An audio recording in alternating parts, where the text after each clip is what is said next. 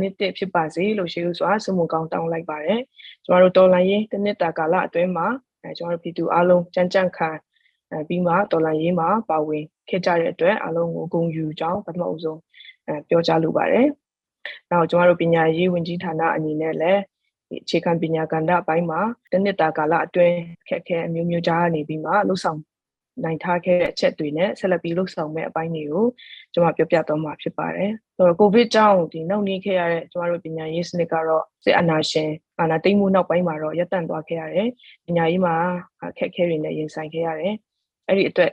အကောင်းဆုံးကြားကာလမှာတတ်နိုင်ဆုံးပေါ့နော်အဲပညာရေးလူအစွာအရေးမြစ်တွေမဆုံးရှုံးသွားဖို့အတွက်ဂျာကာလာပညာရေးအစီအစဉ်တွေကိုကျမတို့2021မေလအနေစပြီးမှစီစဉ်ခဲ့တာဖြစ်ပါတယ်ဆိုတော့ အဲပထမဆုံးကျမတို့ HBL လို့ခေါ်တဲ့ home based learning နေအခြေပြုပညာသင်ကြားရေးအစီအစဉ်တွေကိုစတင်ပြီးမှလုပ်ဆောင်ခဲ့တယ်နေအခြေပြုပညာသင်ကြားရမှာလိုအပ်မဲ့ video lesson ပေါင်း3000ကျော်ကိုအခုဆိုရင် channel 5ခုမှာလွင့်တင်ထားပြီးဖြစ်ပါတယ်ဆိုတော့မိဘပြည်သူတွေအနေနဲ့လည်းဒီ Facebook Telegram Viber Moodle ပြီးရင် YouTube တွေမှာပညာသင်ကြားရေးဂျာကာလာပညာသင်ကြားရေး video lesson တွေကိုဝင်ရောက်ကြည့်ရှု ပြီးမှဝင်ငါတာမျိုးတွေလုပ်လို့ရပါပြီ။ဂျာကာလပညာရေးအတွက်ဒီလမ်းညွှန်ချက်တွေအဲအနေအခြေပြုဒီ community based education လို့ခေါ်တဲ့ရက်ရွာအခြေပြုဒီပြည်သူ့ကျောင်းတွေပေါ့နော်တင်ကြားရေးကိစ္စတွေအားလုံးအတွက်ဒီမြန်မာ basic education home လို့ခေါ်တဲ့ Facebook page နဲ့ခုနဒီ social media page တွေကနေပြီးမှလည်းဒီလမ်းညွှန်ချက်တွေအကြံပြုချက်တွေကိုလည်းပုံမှန်ဆက်တိုက်ထုတ်လွှင့်နိုင်ခဲ့ပါတယ်။နောက်ဒီဂျာကာလပညာရေးကိစ္စတွေ မှာချိတ်ဆက်လှုပ်ဆောင်နိုင်ဖို့နဲ့ CDM ကိစ္စတွေလှုပ်ဆောင်နိုင်ဖို့အတွက်ဒီမြို့နယ်ဘုတ်ဖွဲ့ပေါင်း180ကျော်ကိုလည်းဒီမှာပြုဖွဲ့စည်းနိုင်ခဲ့တယ်။ပညာရေးကိစ္စတွေမှာချိတ်ဆက်လှုပ်ဆောင်နိုင်ခဲ့တာဖြစ်ပါတယ်။စစ်စစ်အကေးပြတ်ချင်းနဲ့ပတ်သက်ပြီးမှလည်းမူဝါဒအခြေခံကိုထုတ်ပြန်နိုင်ခဲ့တယ်။ဂျာကာလပညာသင်ကြားရေးအစီအစဉ်နဲ့ကိုက်ညီမဲ့စစ်စစ်အကေးဖြတ်ခြင်းစနစ်ဖြစ်တဲ့သင်ယူချိန်စစ်စစ်ချင်း formative assessment နဲ့ပတ်သက်တဲ့ အကြောင်းအရာတွေ formative assessment နဲ့ပတ်သက်တဲ့ပုံစံတွေ form တွေကိုလည်းကျမတို့ထုတ်ပြန်နိုင်ခဲ့ပါတယ်။နောက်ကျမတို့ဒီပညာရေးစနစ်ပေါ့နော်အကြောင်းလူကျောင်းသားတွေအတွက်အလွတ်ကျက်တဲ့ပညာရေးစနစ်မဟုတ်တဲ့ဒီစွမ်းရည်ကိုအခြေပြုတဲ့ပညာရေးစနစ်ကိုတွားနိုင်ဖို့အတွက်အဲကျမတို့တိုက်တွန်းခဲ့ပါတယ်။စွမ်းရည်အခြေပြုပညာဒီအတန်းအလိုက်စွမ်းရည်တွေကိုတတ်မှတ်ပေးနိုင်ဖို့အတွက်လည်းလုပ်ငန်းအဖွဲ့တွေဖွဲ့စည်းပြီးမှလှုပ်ဆောင်နိုင်ခဲ့ပါတယ်။ ပြည်သူ့ကျောင်းတွေပြန်ဖွင့်တဲ့အချိန်မှာစွမ်းရည်အပေါ်အခြေပြုပြီးမှ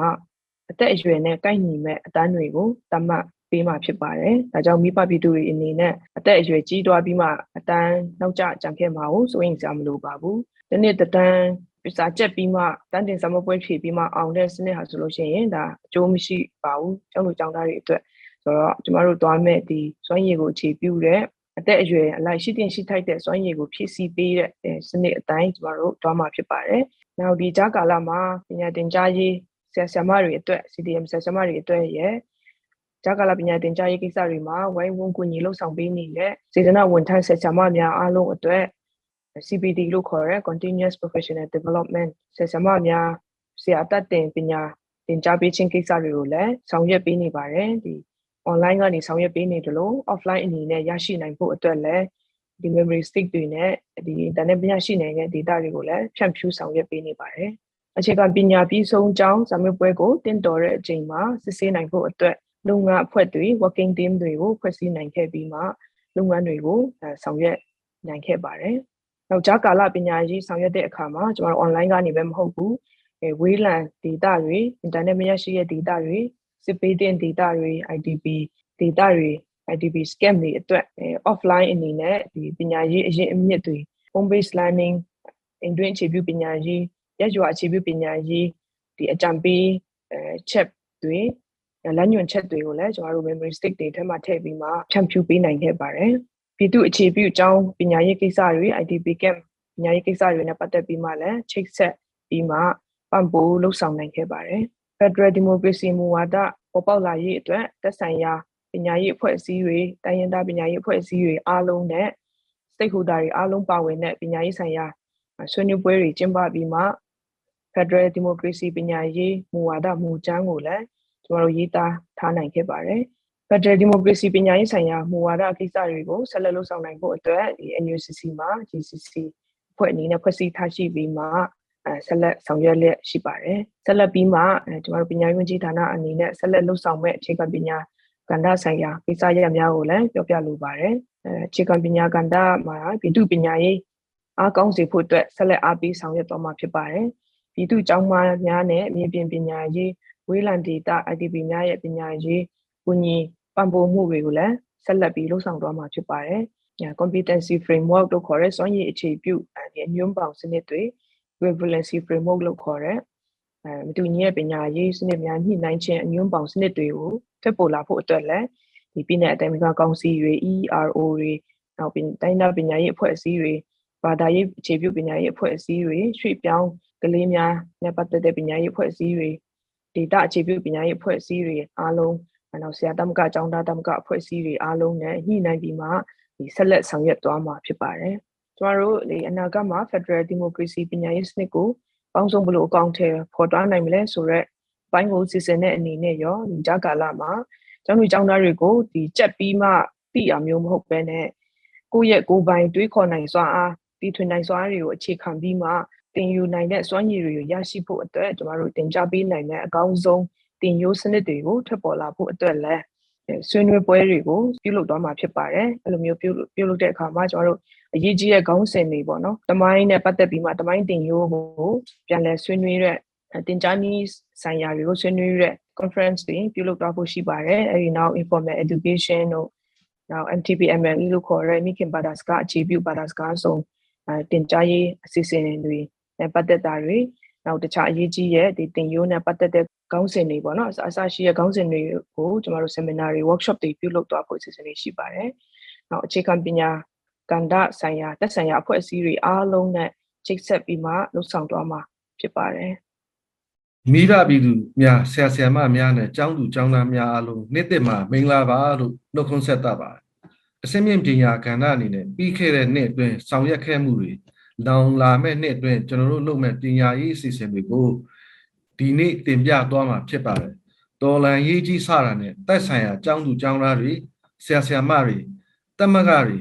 မိဘတွေနဲ့တိုင်ပင်ပြီးဂျားကာလာပညာရေးအစီအစဉ်တရက်ကိုဖန်တီးခဲ့ပါတယ်ကျောင်းသားကျောင်းသူတွေအတွက်စင်ဆက်မပြတ်ပညာရေးကိုဆက်လက်ဖော်ဆောင်တွားနိုင်ဖို့အတွက်ကာလသူ short course သင်တန်းတွေ public lecture တွေ Federal Democracy ကိုပညာပြီးတဲ့သင်ခန်းစာတွေလူခွင့်ရေးနဲ့ဆိုင်တဲ့သင်ခန်းစာတွေ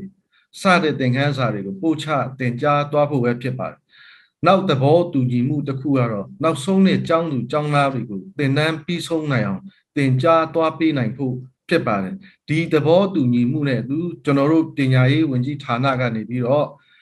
သင်ခန်းစာတွေပြင်ခဲ့ပါတယ်။နိုင်ငံတကာတက္ကသိုလ်တွေဖြစ်တဲ့ကိုလံဘီယာတက္ကသိုလ်က professor တွေနဲ့အခြားဥရောပဖွံ့ဖြိုးပြီးနိုင်ငံက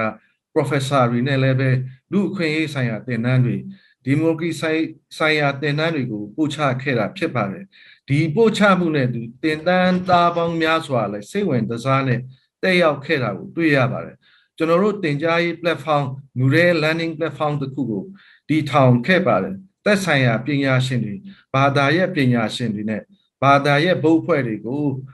ပြင်ဆင်ခဲ့ပါတယ်ဒီပြင်ဆင်မှုကလည်းပဲရာခိုင်နှုန်းတော်တော်များများပြီးပါပြီတချို့ဘာသာရက်တွေမှာနောက်ဆုံးနှစ်သင်တန်းတွေကိုသင်ကြားပြီးစီးသွားတာရှိပါတယ်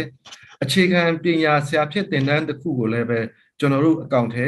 ဖော်နိုင်ခဲ့ပါတယ် သင်တန်းသားတွေခေါ်ယူတဲ့ချိန်မှာသင်တန်းသားတစ်တောင်းလောက်ရှောက်လာရှောက်ထားလာတဲ့အတွက်ကြောင့်ပညာရေးစီစဉ်တွေကိုအတုပ်လိုက်အတုပ်လိုက်လက်ခံတင်ကြားခဲ့တာအခုဆိုရင်ဒုတိယအတုပ်ကိုရောက်လာပါပြီသင်တန်းသားတစ်ထောင်ဝန်းကျင်လောက်ကိုပို့ချသွားနိုင်ပြီဖြစ်ပါတယ်ကြံနေတဲ့9000လောက်ကိုဆက်လက်တင် जा သွားပြီးမှဖြစ်ပါတယ်ဒီဆရာဖြစ်တင်တန်းပြီးဆုံးအောင်မြင်သွားသူတွေဟာလက်ရှိဂျားကာလာပညာရေးနဲ့ အနာဂတ်ပညာရေးအတွက်လဲလူဆွမ်းအရင်မြင့်ကောင်းတစ်ခုအနေနဲ့ဒီရှိနေမှာဖြစ်ပါတယ်ပညာရေးတက္ကသိုလ်ကနောက်ဆုံးနှစ်ကျောင်းသားကျောင်းသူတွေအတွက်သင်တန်းဖွင့်လှစ်ပေးခဲ့တာလည်းရှိပါတယ်ဆေးနဲ့ဆေးဒီနွယ်ဘာသာရက်တွေမှာလည်းပဲသက်ဆိုင်ရာကျောင်းကောင်စီတွေကစီမံတင်ကြားနေကြတာရှိပါတယ်အခုဆိုရင်အမျိုးသမီးကျန်းမာရေးသင်တန်းနှစ်တုပ်ကိုအောင်မြင်စွာပြီးဆုံးကြောင်းလက်မှတ်တွေထုတ်ပေးနိုင်ခဲ့ပြီဖြစ်ပါတယ်တခြားရေးကြီးတဲ့ဆောင်ရွက်ချက်တစ်ခုကတော့ ခခေတ်ဆက်ဆက်ဗဟိုချုပ်ကင်တဲ့ပညာရေးစီမံခန့်ခွဲမှုကနေပြည်နယ်တွေ Federal Unit တွေနဲ့တက္ကသိုလ်တွေကိုလောက်ကင်လောက်ပိုင်ခွင့်ပေးတဲ့စီမံခန့်ခွဲမှုကိုတွားနိုင်ဖို့ပြင်ဆင်ခဲ့ပါတယ်တက္ကသိုလ်ကောင်စီတွေကိုကိုယ်ပိုင်အုပ်ချုပ်ခွင့်ရတက္ကသိုလ်တွေအဖြစ်သတ်မှတ်ခဲ့ပါတယ်ယခုဆိုရင်တက္ကသိုလ်ပေါင်း180တကြောင်းကမိမိတို့ကိုယ်ပိုင်အုပ်ချုပ်ခွင့်ရနေတဲ့ကောင်စီများအနေနဲ့ ရက်တည်နေကြတာဖြစ်ပါတယ်ဒီတက္ကသိုလ်ကောင်စီတွေထဲမှာလည်းပဲသူတို့ဆိုင်ရာကျောင်းတွေကတဆင့်ဂျားကာလာပညာရေးတွေကိုလုပ်နေကြတာရှိပါတယ်နိုင်ငံတကာနဲ့လည်းချိတ်ဆက်မှုတွေရှိပါတယ်တကယ်ကိုတော်လိုင်းရေးကာလမှာအောင်မြင်မှုကြီးဖြစ်ပါတယ်ဒီအောင်မြင်မှုနဲ့သူကျွန်တော်တို့ဝင်ကြီးဌာနကနေလည်းပဲတတ်နိုင်တဲ့ဘက်ကပံ့ပိုးဆောင်ရွက်နေတာတွေရှိပါတယ်အခုကစပြီးတော့ရှေ့ဆက်လှုပ်ရှားတွေလည်းရှိပါတယ်ပထမဆုံးကဆယ်ရန်အောင်ပြီးသား ကျောင်းသားကလေးတွေအတွက်ပါသူတို့တွေအတွက်တင် जा ရေးတစ်ခုအစီအစဉ်တစ်ခုစီစဉ်နေပါတယ်ဆယ်ရန်အောင်ပြီးသားကလေးတွေအနေနဲ့စိတ်ပူစရာမလိုပါဘူးမလိုပါဘူးတက်ကတူမတက်ခင်မှာသူတို့တင် जा ပေးနိုင်မဲ့တင် जा ရေးအစီအစဉ်တစ်ခုရှိပါတယ်အဲဒီစီစဉ်တွေကနေစတက်ကတူတက်ရောက်တဲ့ချိန်မှာသူတို့အတွက်သူတို့စိတ်ဝင်စားတဲ့ဘာသာရက်ကိုရွေးချယ်နိုင်မှာဖြစ်ပါတယ် အရင်တုန်းကဆယ်တန်းအောင်ဖားတဲ့အမတ်တွေနဲ့တက်ကတူဝင်ခွင့်ကိုတတ်မှတ်ခဲ့တယ်နောက်ပိုင်းကျရင်တော့တက်ဆိုင်ရာတက်ကတူတွေရဲ့ဝင်ခွင့်တွေကိုဖြေဆိုပြီးတော့မိမိတို့ကြိုက်နေတဲ့ဘာသာရက်ကိုတက်ရောက်နိုင်တဲ့အခွင့်အရေးတွေရှိလာမှာဖြစ်တယ်ကျောင်းသူကျောင်းသားတွေအနေနဲ့စိတ်ဝင်စားမှုကိုဦးစားပေးတဲ့တက်ကတူဝင်ခွင့်စနစ်ဖြစ်ပါတယ်နောက်အစီအစဉ်တစ်ခုကအများပြည်သူမြည်သူမဆိုလွတ်လွတ်လပ်လပ်လေ့လာသင်ကြားနိုင်တဲ့သင်ကြားရေး platform တစ်ခုကိုလည်းကျွန်တော်တို့စီစဉ်နေပါတယ် ပြီးခဲ့တဲ့ covid နဲ့စစ်အာဏာသိမ်းမှုကြောင့်ရပ်တန့်ခဲ့ရတဲ့ပညာရေးအစီအစဉ်တွေကိုဆရာဆရာမအကြောင်းသူအကြောင်းသားတမကတွေကျောင်းကောင်စီရဲ့သဘောတူညီမှုနဲ့ကျွန်တော်တို့တဆင့်ချင်းဆင်ဆက်မပြတ်ပညာရေးအစီအစဉ်ဖော်ဆောင်သွားမှာဖြစ်ပါတယ်ဒီအတွက်လည်းသင်ခန်းစာတွေကိုပြင်ဆင်ထားလက်ရှိပါတယ်တက်မွေးတဲ့ဤပညာဆိုင်ရာသင်တန်းတွေကိုလည်းပါဝင်ပို့ချပေးသွားမှာဖြစ်လို့ပြည်သူအလုံးက မိမိစိတ်ပါဝင်စားမှုအလိုက်လေးလာသင်ယူသွားနိုင်မှာဖြစ်ပါတယ်တက်မွေးတဲ့ဤပညာသင်တန်းတွေကိုလည်းလက်ရှိမှာသင်ကြားပေးနေတာတွေရှိပါတယ်ပြီးခဲ့တဲ့နှစ်အတွင်းတက်မွေးပညာကဏ္ဍမှာမြေပြင်သင်တန်းတွေ online သင်တန်းတွေပြုလုပ်ခဲ့ပါတယ်အနောက်ပိုင်းတိုင်းမှာအခြေခံဂဟိဆက်သင်တန်း engineer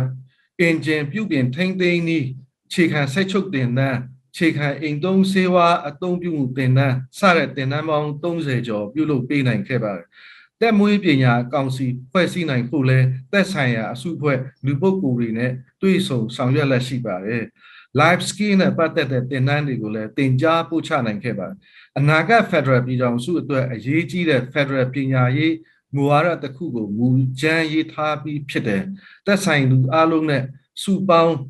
ဆွေးနွေးမှုတွေလုပ်ခဲ့တဲ့အတွက်တမိုင်းမှာတခါမှမရှိခဲ့ဘူးတဲ့ပညာရေးပြုပြင်ပြောင်းလဲမှုဖြစ်ပါတယ်ဒီဆွေးနွေးမှုကနေတဆင့်လက်ရှိလုပ်နေတဲ့ပညာရေးအစီအစဉ်မှာဘယ်လိုအားဖြည့်လှုပ်ဆောင်ကြမလဲဒေါ်လန်ရေးကာလအပြီးမှာကျွန်တော်တို့ဘယ်လို呃ပညာရေးမျိုးကိုကောင်းထဲပေါ်မလဲ Federal Democracy ပညာရေးမှုကိုကျွန်တော်တို့ဘယ်လိုရေးဆွဲကြမလဲ ဘယ်လိုသဘောတူကြမလဲဆိုတဲ့လုပ်ငန်းတွေကိုလုပ်သွားကြမှာဖြစ်ပါတယ်။ဒါကြောင့်ကျွန်တော်တို့ရဲ့အနာဂတ်ဟာအင်မတန်မှ